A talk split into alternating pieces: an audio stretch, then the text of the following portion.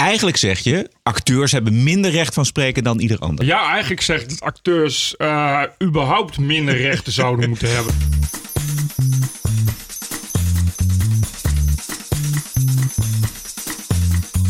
This is the TPO podcast.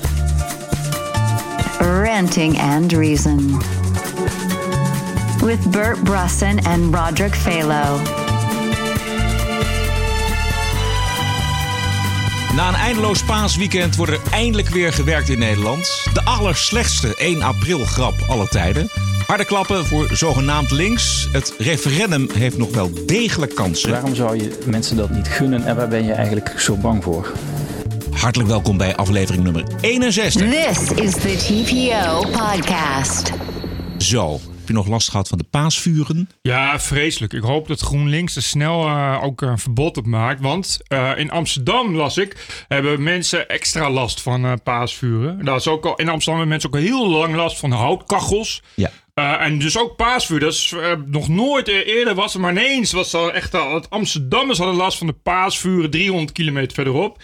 En nu is GroenLinks aan de macht in Amsterdam, dus het kan bijna nog niet, niet anders. Nog niet. Nou ja, oké, okay, maar die, die hebben de meerderheid.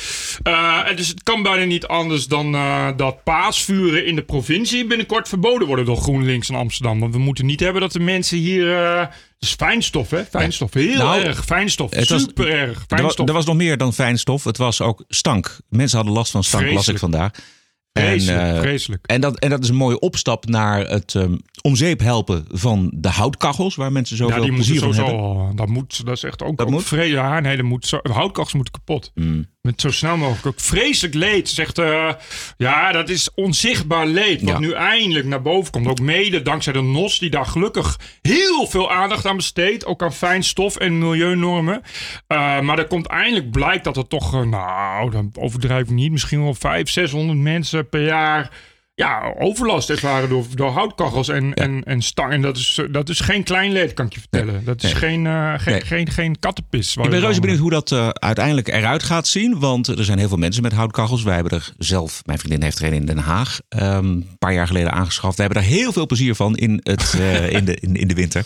Maar de vraag is hoe, hoe, dat, hoe die eruit wordt gesleept. Dat is heel moeilijk. Hij is namelijk lood en loodzwaar. Dat is eh, van het speciale, eh, hoe noem je dat? Ja, Gietijzer. Dat is niet aan te slepen. Dus wij hebben er ook heel veel moeite gehad om dat ding erin te krijgen. Dus om hem eruit te krijgen, nou, ik wens de ambtenaren buiten gewoon veel plezier. Ehm, mocht die er blijven staan, dan gaan natuurlijk buren en overburen controleren of er geen rook uit de pluim komt. Nee, daar komt een eh, speciale houtkachelpolitie. Zit dat met draadje? Oh, oh sorry. Jezus, ik zit echt... eh, je draadje is helemaal... ja, waar kan ik... Oké.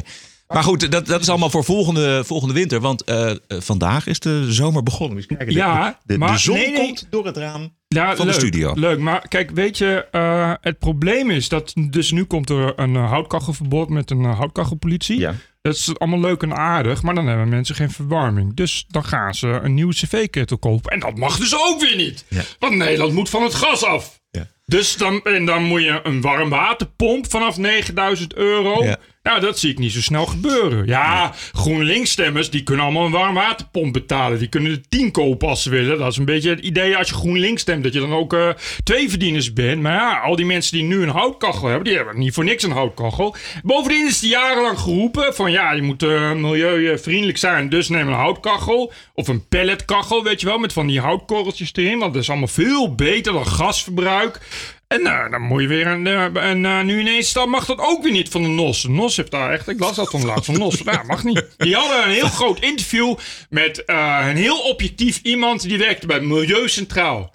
Nou, is toch een heel objectief iemand. En ze hadden ook een interview met iemand. Oh nee, nee, er was alleen een interview met iemand die werkte bij Milieustraal. En die zei, letterlijk, ik citeer, en dat was in een NOS-artikel. Die zei: Ja, ik kan mensen echt, ook al is er nu nog geen verbod, ik kan mensen iedereen aanraden om toch vooral nu geen nieuwe cv-keten te kopen. Stond er echt, letterlijk. Ja, en hoe het dan? was iemand van Milieucentraal. Ja, hoe je dan je warme water krijgt, dat is dan een, een, zorg voor de mensen zelf. Nee, dit is grappig. Let op, nu komt het grappige. Da- dan stel hè, dat, dat, nog los van de prijs, stel dat iedereen een warmwaterpomp koopt. Die warmwaterpomp die loopt op elektriciteit.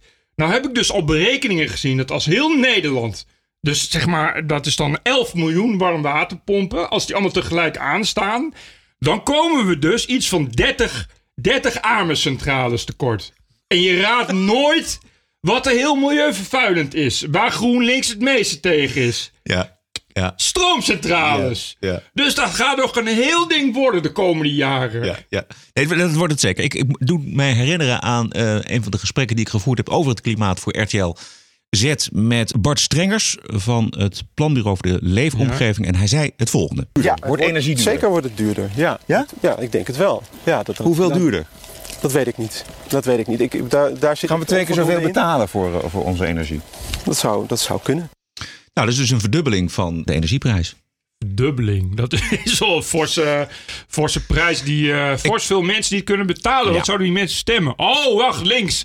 Wat een goed idee voor links. Ik vind het wel heel goed dat die discussie inmiddels eh, op gang is gekomen. Al is hij misschien wat laat. Maar het gaat eh, nou ja, gewoon een hoop geld kosten. En het wordt duidelijk dat dat duidelijk wordt. Hoeveel dat ongeveer gaat kosten om de klimaatverdragen van Parijs te halen. Hadden wij maar iemand als Trump, zodat we gewoon uit de klimaatverdragen van Parijs konden stappen. Hup, Trump, hup.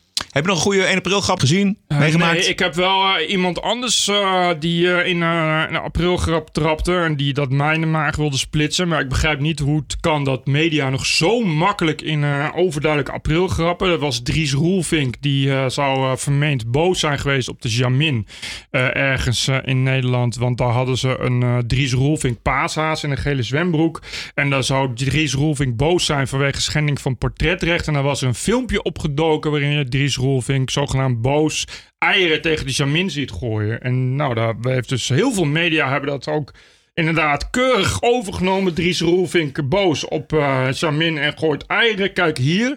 Terwijl mij werd het ook aangeboden door iemand die daar ook in trapt. Ik zei, kan je nu al vertellen dat het een hoax is? Toen hebben ze dat toch geplaatst en dat was inderdaad een hoax. Franse burgemeester die schreef eh, zondag op haar Facebook-pagina en Twitter-account dat IKEA naar haar gemeente zou toekomen en dat dat 4000 banen zou opleveren. Het gaat om een Noord-Frans stadje, Beauvais, waar een hoge werkloosheid heerst. Dus je kunt begrijpen hoe blij de mensen in haar eh, gemeente waren dat er 4000 banen naar eh, eh, eh, Beauvais zouden komen, dankzij IKEA. Maar na een paar uur kondigde de burgemeester aan dat het om een 1 april grap ging. En dat leverde natuurlijk grote verontwaardiging op bij eh, de 54.000 inwoners van die gemeente. Hoe imbeciel kan een burgemeester zijn? Ah, dit is toch wel grappig. Dit is vind ik Ja? dan wel weer hoge humor. Ik vind, ik vind ook dat we volgend jaar met 1 april... dat we dan, eh, nou, bijvoorbeeld alle oncologen... die laten we dan zeggen... ah, we hebben een oplossing voor kanker. En dan eh, gaan ze naar, naar eh, Anthony van Leeuwenhoek... en dan gaan ze ja, champagne ontkurken en zo... want jullie worden allemaal beter. Ah, 1 april. Dat is toch niet... Deze burgemeester die heeft toch uiteindelijk nog haar excuses aangeboden voor de, voor de grap. En tegen de Franse media gezegd dat het haar spijt, let op, dat niet iedereen haar gevoel voor humor deelt. Ik ga zo meteen uitgebreid praten over eh, zogenaamd links, want die krijgt er behoorlijk van langs. Zogenaamd Ehm, links. dus ja, dat is vind ik een mooie uitdrukking. Ik zag hem vandaag in de Volkskrant staan. Ehm, maar eerst even het referendum, want vandaag een week geleden eh, was het een mooie dag in de Eerste Kamer. In de Senaat, zeven experts die waren nogal unaniem in hun afkeuring van de manier waarop het kabinet het referendum bij de vuilnis wil zetten. Eén van hen was rechtswetenschapper Roel Rutgens. Ja, ik, ik zou zeggen, eh, er zijn voorstanders en tegenstanders van een referendum. En in beide kampen zijn daar hele redelijke en respectabele standpunten voor. Nu hebben de tegenstanders van referendum een hele, hebben een hele nipte meerderheid eh, om dat referendum in te trekken. Eh, is het nou eigenlijk niet gewoon een beetje flauw om de voorstanders van referenda, die dat ongetwijfeld zullen willen gaan proberen, de kans te ontnemen om de laatste keer te proberen aan te tonen dat er grote steun onder de bevolking is voor dat referendum? Of ze dat lukt, eh, dat weet ik helemaal niet. Dat moet ik nog zien. Maar waarom zou je de kans ontnemen om dat eh, te proberen? Terwijl dat volgens de oude WRR natuurlijk destijds, en dat is helemaal niet zo lang geleden, een paar jaar geleden nog maar, volgens de oude WRR duidelijk de bedoeling is geweest dat mensen die kans juist wel krijgen als een vorm van democratische zeggenschap. Dus ik vind dat allemaal, ik vind het eigenlijk een beetje flauw. En eh, ik vind het, zoals ik ook al geschreven heb, maar dan val ik aan herhaling, weinig genereus voor een nipte meerderheid om zo eh, een, een, een grote minderheid de pas af te snijden. Waarom zou je mensen dat niet gunnen en waar ben je eigenlijk zo bang voor? Ja, dit vind ik een, een hele mooie omschrijving Ja, van het ja. algemene gevoel wat er in de Nederlandse samenleving heerst. Zeker na het laatste referendum. En ik kreeg een déjà vu, Bert. Want eh, deze uitleg van deze rechtswetenschapper deed mij denken aan de manier waarop er in de Tweede Kamer werd gesproken over het uit de lucht halen van Radio Veronica. Ik weet niet of je toen al geboren was, maar het was juni 1973. En je hoort Dolf Koppes van de politieke partij Radicalen. Ik geloof dat het voor de omroepen, voor de politieke partijen van belang is dat wij nu niet zo principienreiterig doen, niet zo dogmatisch doen, maar dat we gewoon proberen om tot een redelijke oplossing te komen voor wat zo verschrikkelijk veel mensen graag willen. Deze mensen zullen er ook niets van begrijpen als wij, eh, als wij dit, dit nu zo door laten gaan. Eh, u moet, wij moeten ons niet de illusie hebben dat ze er ook maar iets van zullen begrijpen dat, dat zo'n uitvoerig en zo'n algemeen uitgesproken verlangen dat dat via allerlei eh, toestanden in de Kamer en in de politieke partijen zal weggestemd worden, terwijl het niet nodig is. Ja. Als er ergens mijn eh, aversie en achterdocht richting eh, de politieke elite ontstaan is, dan was het in juni 1973. Hoor je de, Ja, ja, de gelijkenis? Ja. Nee, maar dit, dit- is precies dezelfde, ook eh, precies dezelfde zaak, hè, bijna. Inderdaad, eh, iets wat, wat, wat heel veel burgers heel erg zint. En, en dan, eh, nou ja, net als Radio Veronica destijds waren natuurlijk allemaal nare jongeren met haren tot over de oren. Die zomaar eh, eh, eh, opzwepende popmuziek. popmuziek eh, ten gehore brachten. Zonder daarbij ook nog eens een keer stichtelijk woord eh, ten gehore te brengen. Oké, maar kunnen we niet... kunnen we dan niet... Weet Tot een redelijke oplossing Kun je dan niet zeggen dat we in elk geval dan elke week een uur, hè, of, of in elk geval, weet je, dat. En omdat je ook al weet, zeker toen bij Veronica, van ja, over twee jaar of zo, dan, dan stemde iedereen opnieuw. Of dat, dat is in natuurlijk niet toekomstbestendig. En je voelt een beetje die rancune Ja. van die mensen die dat willen verbieden. Dat voel je natuurlijk net Ja. zo bij het referendum. Het referendum is te succesvol geweest. Daar heeft er, nou, vooral D66 en andere partijen hebben daar eh, nogal onder geleden. Eh, dat mede dankzij geen stijl, waarvoor hoera. En dan, nou, dan gaan we daar inderdaad snel met wat regeltjes, scherpslijpers in achterkamertjes. Gaan we snel eh, wat, wat, wat gelegenheidscoalities eh, eh, sluiten. En dan proberen, gaan we dat snel doorduwen. Dat is natuurlijk ook wat die, wat die hoogleraar of die deskundige hier zegt. Waardoor je als burger die democratie een beetje gaat wantrouwen. Ja, dat is precies het punt. En deze Dolf Koppes van de politieke partij Radicalen, de PPR, dat was vroeger een linkse partij. Dat, dat, die is samengegaan met nog een aantal andere linkse partijen en is GroenLinks geworden uiteindelijk. Maar deze Dolf Koppes, die, ehm, heeft, die pleitte namelijk niet voor het legali, puur legaliseren van die zender, maar om Veronica een plek te geven in het huidige bestel. Juist. Nou, dat is uiteindelijk ook gebeurd natuurlijk. Dus ik ben er nog niet zo zeker van dat dat referendum wordt afgeschoten in de Eerste Kamer. Bert, jij? Nee, ik ook niet. Maar kijk, het is natuurlijk wel zo. Dat is natuurlijk hetzelfde als bij Veronica. Dat, dat, dat, dat Veronica was natuurlijk ook een geluid van een soort nieuwe beweging. Van een revolutie. Van een geluid wat in de bevolking is. eh, waar, waardoor verandering komt. En daar was natuurlijk ook die weerstand tegen. Want ja, daar was toch eigenlijk altijd een keurige, keurige publieke omroep. Waarbij eh, leuk propaganda kon worden bepaald. En hier zie je hetzelfde. Hè? Dat referendum, dat is natuurlijk... Nou, dat is dus succesvol geworden dankzij geen stijl. En dankzij inderdaad, eh, dankzij het populisme noem het maar op. En je weet natuurlijk dat dat iets is wat onder het volk leeft. Dus wat ook over een paar jaar, hoe dan ook, alweer terugkomt. Op een En waar, politiek, dan ook. precies, en waar politieke partijen dus geen vat op hebben. Nee, exact. Maar je, het is, het is een, een, een, een zinloos. Het zet ook alleen maar steeds meer kwaad bloed. Zeg maar, dat is hetzelfde als bij Veronica. Als ze dat destijds inderdaad veel eerder een plek hadden gegeven, was het misschien ook wel heel anders afgelopen. Maar ja, Dat is zo, hoe, hoe groter het verzet, hoe, hoe radicaler en hoe leuker het is om je te verzetten. En dat is Ja. natuurlijk nu bij dat referendum ook. Eerstvolgende datum voor het referendum is 17 april. Dan komt er een zogenaamd voorbereidend onderzoek van de Eerste Kamercommissie Binnenlandse Zaken. En dan zien wij verder. Oké. Misschien moet je nu even een eh Veronica jingle. Ja, dat is mooi. Heb je een favoriete? Ik heb jou het laatste. Ik heb jou nog een, een- twee mp3'tjes gestuurd met Ja. de Veronica jingles. Ik heb geen, ik heb geen, ik bedoel, trek er maar één uit, zou Oké, ik zeggen. dan- uit. Dan is dit een van mijn favorieten. Geweldig! Nou, dit is ook mijn favoriet. This is the TPO podcast. In een poging het volk weer achter zich te krijgen, pijnigt Links-Nederland de hersens. Suf Femke Halsema doet een poging met een boekje over het terugwinnen van de oude thema's: tolerantie, gelijkheid en nationale trots.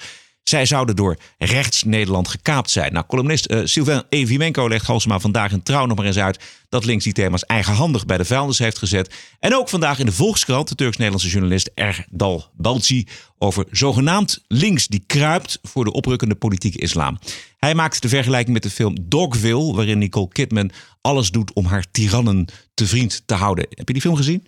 Eh, nee, maar het is toch een hele rare film. Nou, dat, ze, ja. dat ze in een, het staat toch gewoon in een loods met de getekende, op de vloer getekende dingen. Ja, van Lars van Trier. Beklemmend, een zeer beklemmende film. Ja, want ik begreep dat eh Breivik, die had zich volgens mij laten inspireren door, eh, door Dogville. Of wat is een andere bekende high school, high school scud. Eh, eh, In elk geval was er een moordpartij, een bekende moordpartij, waar echt eh, die Lars van Trier zich uiteindelijk nog voor heeft verantwoord. Ook. Oh, heeft, Dat ja. hij nog, nog Ja. sorry heeft gezegd. Dat iemand zich heeft laten inspireren. Wat echt. Ja. En ik weet dat Joost Zwageman destijds er nog woest op was. Dat hij inderdaad zei: ja, wie kan, moet, moeten we nu ook eh een catcher in de rij gaan verbieden? Omdat er iemand daar John Lennon door heeft doodgeschoten. En, eh, Ik kan me niet herinneren dat het over Dogville ging. Maar dat zal over een Ja, andere wel. productie van hem. Ja? nee, volgens mij was het echt Dogville. Maar, want Nou, Dogville, het opzoeken. uiteindelijk schiet ze haar. men- Het schiet, het- ze, ze schiet ook eh, volgens mij in. eh, nee, haar vader eh, ja, maakt. eh, er zit een soort af. massamoord in. Dat, dat is een. In elk geval daar ging het om. Hoe dan ook. Oké, goed. Nou, afgelopen zaterdag stond dus dat stuk van Femke Halsema Ja. in Trouw. Nou, dat is een soort van voorpublicatie. De waarden, volgens Femke Halsema, de waarden zijn gekaapt door, door extreem rechts en populisme. Ja. gekaapt. Gekaapt. Ja, en dat, en dat zegt meteen eigenlijk iets over hoe serieus wij eh, allemaal eigenlijk die woorden van Femke Halsema moeten nemen. Want als je zegt eh, ze zijn gekaapt, dan leg je weer de schuld eh, bij de ander. En eh, Ja, nee, hoeveel, hoeveel publicaties zijn er nou al niet geweest, Bert? eh, over dat links eh, de arbeidersklasse eh, de traditionele achterban heeft verraden. Ja, maar goed, dit is, bedoel, dit is Femke Halsema en GroenLinks ten voet uit. Alles wat erg is aan deze mensen is dus dit. Weet je, ze zijn niet in staat, nu nog niet, na al die jaren, die mensen zijn zo dichtgetikt dat als ze dan al vinden eh, eh, dat er iets mis is, dus als ze al doorhebben dat de waarden waar ze voor stonden en waar ze eigenlijk groot mee zijn geworden en wat ze eigenlijk allemaal betekend hebben in de geschiedenis, dat die waarden, dat ze die niet meer hebben, dat die niet meer bij links liggen, dan nog krijgen ze het voor elkaar om dan te zeggen, ja, maar die zijn gekaapt. Oftewel, degene die ze nu hebben, dus rechts, die zijn dan toch weer dieven. Die zijn dan toch weer misdadigers. Eh, en ja, je mag er dan vooruit gaan kapen. Dat is toch iets wat je ja, met geweld doet, zou ik maar zeggen. Het is niet, weet je, je moet daar toch moeite voor doen. Dus zijn ze echt uit handen getrokken. Dus dat echt, dat links is gemeen, maar dat is echt, wij zijn perfect. Wij van links, want als wij, de, de- die zouden nooit, ze zullen nooit zeggen, ja, wij hebben gewoon die waarden hebben gewoon weggegeven. Dat is ook wat,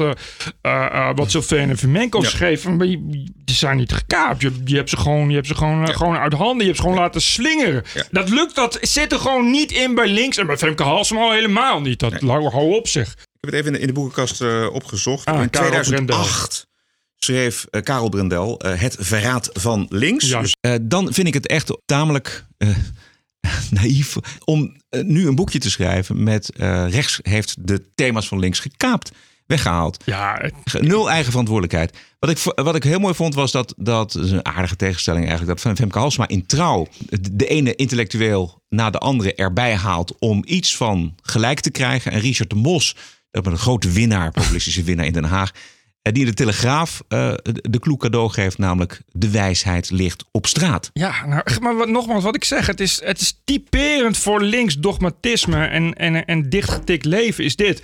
En ook, eh, weet je, het is ook echt weer de mogelijkheid aangrijpen om toch nog maar iemand anders te demoniseren. Het is, het is meteen ook een vergelijking van, van wij zijn beter. Want je, je zegt daarmee van dat die waarden, die zijn dus absoluut en die kunnen alleen bij links horen. Want als iemand anders heeft, dan, zijn ze ja, dan worden ze gekaapt. En dat is ook populisme en extreem. Dat is dan niet gewoon rechts. Terwijl echt, nou ja, die analyse, ik heb Balsi niet gelezen, maar wel even Menko vanmorgen. Die, is echt, die klopt volledig. Die schrijft ook van ja, 11 september 2001.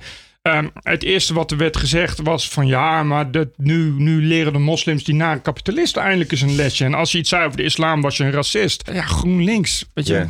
Ja, maar dat is, dat, is- dat is de grote Jesus vraag. Hoe kan het nou dat die partij zo gewonnen heeft bij de Ja. laatste gemeenteraadsverkiezingen? Nou, als Ze het hebben- ze hebben eigen- mijn hoofd. Ik Huh? weet het niet. Echt. Ik, ik, ik, ik, ik- het is verbijsterend. Verbijsterend. Dat heeft te maken met dat in Amsterdam en ook in Utrecht eh, heel veel studenten wonen en, en, en leven. En dat zijn millennials. Die zijn van de generatie waar ze gewoon liever niet zo van de realisme zijn. Ik kan het niet anders zeggen. Ja, we, hebben, we leven in een, in een, eh, in een gebrainborste land. Waar mensen liever in, in, in shit geloven dan dat ze de realiteit onder ogen zien. Ik weet het ook niet. Wat ik vooral eh, raar vind, is dat zij niet nadenkt over de straat. Hè? Wat, wat, wat Richard de Mos dan, dan natuurlijk wel Nee, doet. Maar zij maar- haalt in dat stuk, hoort die aan. En het gaat, ze gaat helemaal op de intellectuele tour. dat is en, intellectualisme. Ja, dat is puur- groen, puur GroenLinks eigen. en dat is nou precies de grote afstand die links heeft ten aanzien van het gewone volk, om het maar zo te zeggen. Ja. De traditionele achterban.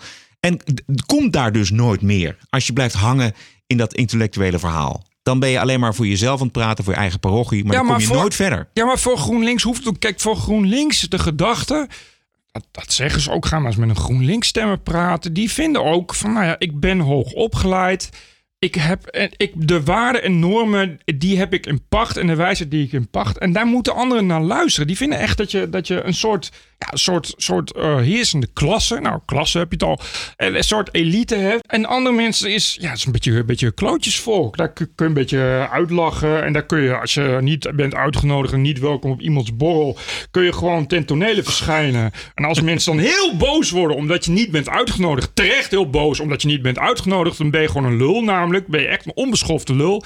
Dan ga je gewoon, ga je gewoon dom staan grinniken en dan zeg je tegen, tegen degene die boos wordt, maar je bent zelf niet welkom op je eigen borrel. Maar dat is typisch GroenLinks. Weet je, ik heb daar, daar geen andere woorden van. Dat is GroenLinks. Dat is een GroenLinks-denker. En dan zeg je ook van... eh, ik, ik, had het, ik vertelde dat aan iemand en die zei... Goh, eh, wie was dat? Dus ik zei, nou, dat is die en die, een bekend Kamerlid. En die zei, goh, die, die, die ken ik. Dat is eh, toch al... eh, een paar maanden geleden vond ik dat nog een hele interessante jongen. Ik zeg, ja, maar als je, als je bij GroenLinks in de Kamer zit, is dat wat er gebeurt. Dan word je een arrogante klootzak van heb ik jou daar.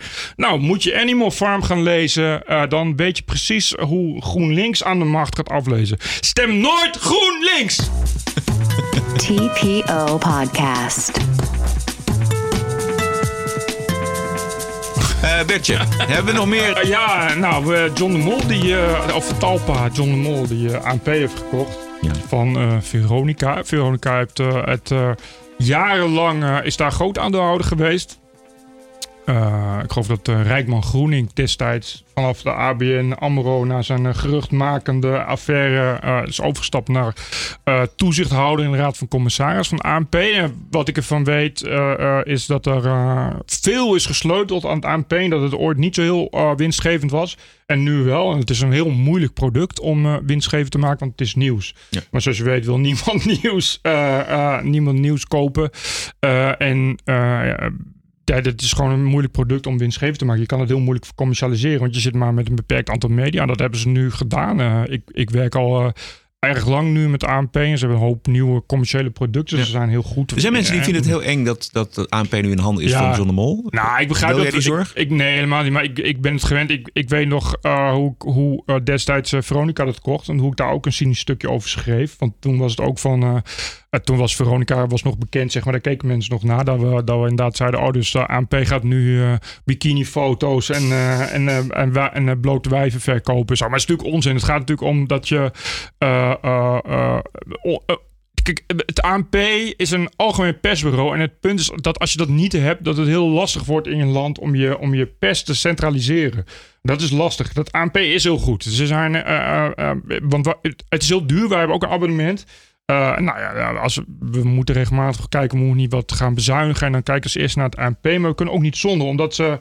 Ze zijn betrouwbaar. Hè? Ze zijn echt, echt meer dan 95% is betrouwbaar. Er gaat wel eens wat mis en zo. Maar, maar als het echt gaat om binnenlands nieuws, dan is het eigenlijk altijd betrouwbaar. En ze zijn heel snel. eh, Ja, ze hebben eigenlijk altijd als eerste een persalarm. Je weet altijd als Ja. eerste alarm. Dus ja, en je kan niet zonder. En als je dat niet hebt, dan, dan, dan krijg je een enorme versplintering van commerciële aanbieders die. Eh, eh, die dat aan, aan de verschillende media gaan aanbieden. En dat komt de betrouwbaarheid niet ten goede. Nog los van het feit dat je niet meer dan niet meer een algemeen eh, medium hebt waar je ook, ook je, inderdaad je perspublicaties, maar ook je communicaties vanuit de Rijksoverheid, et cetera, et cetera, Ja. kwijt kunt.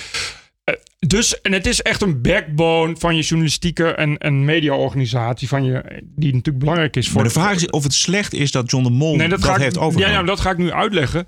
Eh, ehm, dus als je dat eh, eh, een meerderheidsbelang inneemt, dan heb je die backbone in handen. En dat is natuurlijk heel belangrijk, want dat creëert macht en dat creëert invloed, maar het creëert ook heel veel eh, hoe zeg je dat, sustainability. Dat betekent ook dat je heel veel uh, de komende jaren heel veel kanten op komt. Want je wil dat dat ANP blijft bestaan. Want als het niet bestaat, dan is het voor jou als media-aanbieder, voor John de Mol ook een probleem. Maar dat betekent niet dat je daar, daardoor dus daarin gaat mengen. Dat is natuurlijk onzin. Ik, bedoel, ik, ik weet dat Veronica heeft, ik weet niet hoe lang, maar volgens mij echt al, al voor 2006 dat ze dat hebben, dat ze het hebben gekocht. Dus dat is zeg maar meer dan 10 jaar of 12 jaar zijn ze daar groot aandeelhouder van gehad. Het is echt nog nooit ook maar iets van, van enige commercialiseren of belangrijk je eigen graf. Exact. Dus je, je kan, dat is, weet je, ik begrijp ook wel. Het is allemaal heel grappig om dan te zeggen John de Mol en uh, dat is dan alleen maar Talpa Nieuws en Hollands Got Talent en zo. Maar dat is natuurlijk allemaal gelul. Hè? Wat hij doet is, is dat hij uh, uh, ervoor zorgt dat er altijd voldoende geld is en hij is aandeelhouder. En dat ANP blijft gewoon het ANP. Want dat is gewoon, ja, dat is, dat is het product is zoals het is. Daar kun je niet in mengen. Natuurlijk kun je, kun je dan zeggen van, van luister, eh, als jullie een extra commercieel kanaal hebben, dat hebben ze nu ook al Bus I, dat zijn van die entertainment gelul. Tuurlijk, daar kun je dan makkelijker zeggen, dan zijn je kanalen korter. Maar weet je, natuurlijk kun je daar een bepaalde invloed, kun je daar een bepaalde invloed bij kopen. En je kan natuurlijk zeggen, uh, John de Mol kan natuurlijk zeggen, ik doe een, uh, een afdeling ANP schuinstreep Talpa. Dat is geen enkel probleem. Daar zet ik mijn eigen mensen neer. Dus hebben we nog meer entertainment nieuws. En mijn nieuws als eerste en zo. Maar de rest van ANP blijft natuurlijk gewoon betrouwbaar nieuws. En dat is heel belangrijk als je dat in handen hebt. Want dat betekent dat je, nou, dat betekent dat je meer mediamacht hebt en dus meer invloed. En dat heeft niets te maken met hoe je dat inkleedt. Wel dat je daar de eigenaar van bent. Want je, die, je hebt gewoon een hele grote troef in handen. Nou, uh, is dit al de zoveelste aanval van John de Mol op het, uh, ja, de bestaande mediaverhoudingen, zullen we ja. zeggen. Uh, deze keer moet het wel gaan lukken. En hij heeft zijn kaarten gezet op Veronica. Daar gaat Voetbal Insight heen. Gaat anders heten, maar in ieder geval, ja. Ja. de makers gaan daarheen. Uh, Marco Laurens gaat erheen van RTL. Um, en er zal nog meer, uh, veel meer aan de hand zijn, denk ik. In... Nou, hij zal nog wel de komende tijd zullen wel meer namen bekend worden. dat... Wat interessant is om te kijken of, of hij geleerd heeft natuurlijk van, van dat debakel. Want dat was geen succes. En dit moet het wel worden. Het verschil met toen was dat hij uh, echt een complete zender met alleen maar nieuwe formats erin zette. En het idee was, als ik al die sterren koop, dan worden die formats automatisch succesvol. Maar het bleek dat die mensen zeiden, dat de kijker zei, ja, ik kijk gewoon niet. Weet je, ja. dat was echt een probleem. Het was wel tien, maar het stond natuurlijk bij niemand op tien. En mensen zijn gewoon merkentrouw. Dus daar, daar werd gewoon niet naar gekeken. Uh, dat is nu toch anders. Kijk, volgens mij, ik neem aan dat hij, zoals Voetbal Insight, hij koopt gewoon het hele concept. Bovendien, daarom neemt hij ook die Laurens mee. Ja. Dus je neemt eigenlijk neemt je gewoon heel RTL, RTL 5. 7. Oh, 7. RTL 7 neemt je gewoon mee. Want, je, want RTL 7 is natuurlijk gewoon die Laurens zelf. Ja. Dus die heeft dat. Die, die is, is, jij kent hem. Hè? Ja. Is hij ook degene die, uh, die darts heeft ingevoerd en zo? Dat soort dingen. Want dat is toch wel echt een, een sport geworden ja. waar mensen naar gaan ja. kijken ook. Ja, ik weet niet zeker of hij het heeft ingevoerd. Hij heeft het wel groot gemaakt. Dat gaat dan dus mee. Ik bedoel, ik dat weet niet of, de, of, weet die, niet. of ook die rechten worden gekomen. Maar die, die Laurens is natuurlijk onmisbaar uh, voor, voor dat soort ja, specifieke inderdaad sportprogramma's gericht op mannen. Dit was aflevering nummer 61. Wij gaan uh, onmiddellijk aan de slag met de nieuwe podcast. En die zal er zijn volgende week dinsdag 10 april. Wilt u ons daarbij ondersteunen? Heel graag doneer dan. Veilig via de website tpo.nl slash podcast. Heb een mooie week en tot de volgende. TPO Podcast. Bert Brussen, Roderick Balo.